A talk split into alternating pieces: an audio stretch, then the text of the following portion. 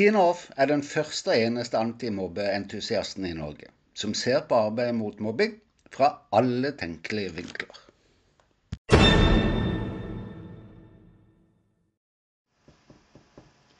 Å fange opp hvor store forskjellene er etter et skoleår, er jo ikke alltid så lett. Men jammen er det viktig. Ja, for opplevelsens skyld. År etter år har jeg sett hvilken betydning det har hatt for egne elever. Det har gitt mange store aha-opplevelser. Tre spørsmål å svare på i dag. Kan en få til det samme for utviklingen i mobbesaker gjennom et år? Og hva er lurt for foreldre å gjøre før sommeren? Og til slutt, hva er nytt fra antimobbeentusiasten? Velkommen til episode 11 i sesong 2. Har du merka hvordan jo større stormen står i, desto mer øyeblikksfokusert blir en? Hva mener jeg med det? Jo, det blir vanskeligere å få en avstand til situasjonen, tenker jeg da. Dagens situasjon overskygger litt det større bildet. Slik opplever jeg også mange av de voksne jeg hjelper, har det i tøffe mobbesaker. Å makte å oppsummere et helt skoleår, peke på om dagens situasjon er bedre enn ved skolestart i fjor, om barnet tross alt har det bedre nå, er ofte ting jeg hjelper de med. Så slo det meg at det er det jammen flere voksne som hadde tjent på å gjøre også. Å lukke skoleåret for voksne, slitne hoder. For å ta utgangspunkt i elevenes opplevelser av egen utvikling etter endt skoleår, handler det om en øvelse som de plukker opp ved årsslutt. Altså det de tar i starten, og så plukker de det opp til slutt. Det samme er ikke like relevant for oss i dag, for nå handler det jo om å lukke skoleåret. Sånn rent praktisk handler det om å sette fingeren på følgende tre spørsmål. 1. Hvordan er situasjonen til barnet eller eleven akkurat nå. To. Hva har fungert av tiltak dette skoleåret? Tre. Hvilke tiltak har ikke fungert? Tre enkle spørsmål enhver voksen i mobbesaker burde stille seg. For læreren handler det da om å se de tre spørsmålene i lys av faglig utvikling, læring og på de utenomfaglige områdene, som sosialisering, klassemiljø og skolemiljø. For foreldre handler det om å se situasjonen eh, og tiltak både på hjemmebanen, i fritida og med venner til barna. Men også opplevelsen av læring og utvikling. Og så helseforholdene, altså de psykiske og fysiske. For PPT handler det om f.eks.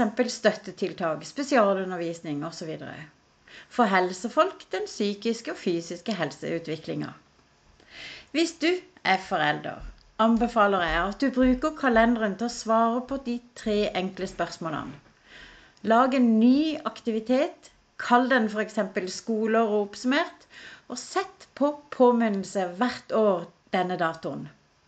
I beskrivelsesfeltet i aktiviteten på kalenderen så har du anledning til å skrive fritt. Men bare skriv stikkord. Det holder lenge. Hvis det er ting du kommer på som innebærer f.eks. noe å gjøre før sommerferien, så lag et ekstra varsel som minner deg på det. Og er det noe som trengs å gjøre før skoleåret starter igjen, ja, så lag enda et varsel som minner deg på det. Null problem. Så til siste spørsmål i dag. Hva er nytt fra antimobbeentusiasten? Jo, nå er jeg altså på YouTube. Klart du skal på YouTube, sa ei venninne til meg.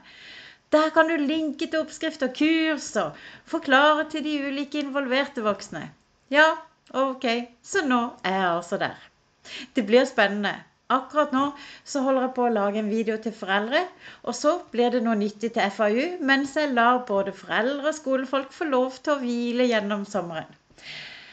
Her runder altså denne korte episoden med premieresnutten og ønsker deg og dine en riktig god sommer. Og så snakkes vi jo igjen. Ha det, ha det. Hallo, hallo. Nå starter vi bare. Jeg gruer meg så lenge til dette, men jeg tenkte vi må snakke om når det blir trøbbel i mobbesaker.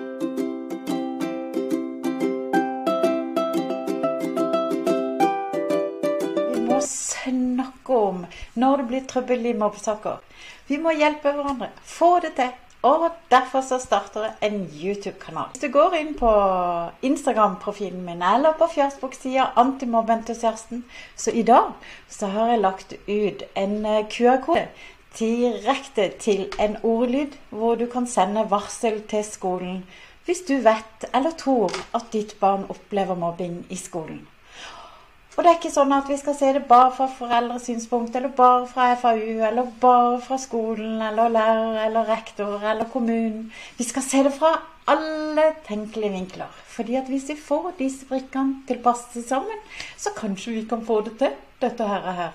For mobbing, det skal vi altså få bukt med. Og det begynner vi med nå. Og jeg vil bare støtte og hjelpe.